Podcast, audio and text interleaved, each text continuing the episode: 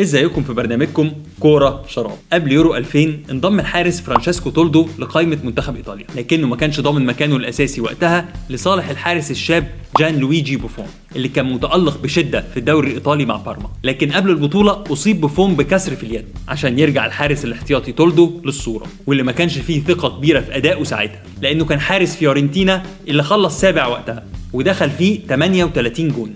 وفجأة بقى الحارس الأساسي للأتزوري النهاردة وبمناسبة اقتراب بطولة اليورو خلونا نسلط الضوء على واحد من أفضل أداءات الحراس في تاريخ البطولة. ولكن قبل ما نبدأ ما تنسوش تعملوا لنا like و share و subscribe. إحنا موجودين على يوتيوب وفيسبوك وتويتر وكل قنوات البودكاست.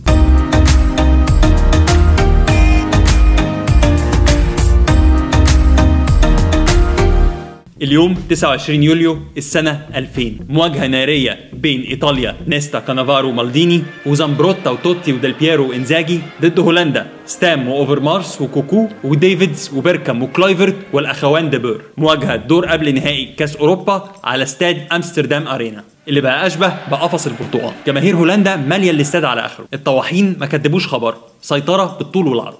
حوالي خمس أو ست هجمات متتالية للفريق البرتقالي. وفي أول الشوط كرة خطرة تترد من الأيد. إيطاليا بدأت تلجأ للعب العنيف. خمس انذارات في الشوط الأول للاعيبة إيطاليا. منهم اثنين لزامبروتا اللي بيطرد في الدقيقة 34 الضغط الهولندي بيجيب نتيجته في الآخر. ضربة جزاء بيحصل عليها كلايفرت بعد شد نيستا ليه جوه منطقة الجزاء. يدخل فرانك دي بور المدرب الحالي للطواحين وهنا يظهر الجن. تولدو يصد كرة صعبة جدا ببراعة متناهية.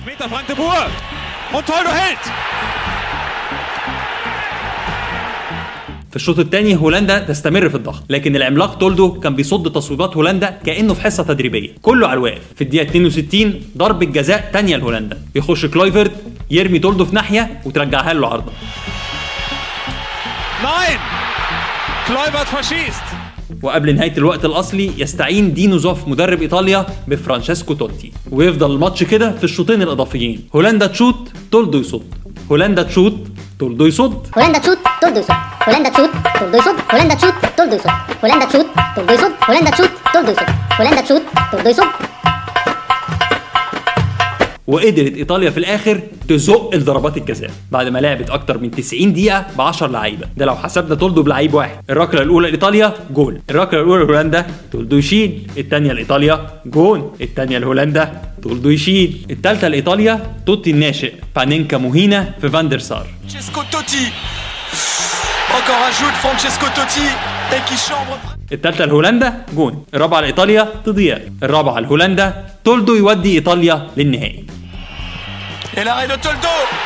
C'est terminé. C'est l'Italie qui se qualifie pour la finale de cet Euro 2000. خليني أقول لك عزيزي المشاهد إن تولدو اتشاط عليه في الماتش ده ست ضربات جزاء اتنين في الماتش وأربعة في ركلات الترجيح ما دخلش فيه غير واحدة بس أداء أسطوري الحارس كان في الأساس احتياطي أما خلال الماتش فهولندا شاطت على إيطاليا 31 شوطة كاملة ما دخلش منهم ولا جول والأهداف المتوقعة لهولندا المتراكمة. على الاكس جي كانت 3.1 وبرضه ما دخلش ولا جول ليله لن ينساها تولدو. اللي اختير بلا منازع أفضل لاعب في المباراة. وصرح تولدو قال بعد الماتش استمتعت جدا بالمباراة دي. فكل ما كانوا بيشوطوا عليا أكتر كنت بتحمس أكتر عشان أصد أكتر. شيء عظيم إن إحنا نكسب هولندا بعد 120 دقيقة في أمستردام. وعلى فكرة تيشرت تولدو اللي لعب بيها الماتش عليها رقم 12 لسه لحد دلوقتي موجودة في متحف فلورنس لكرة القدم.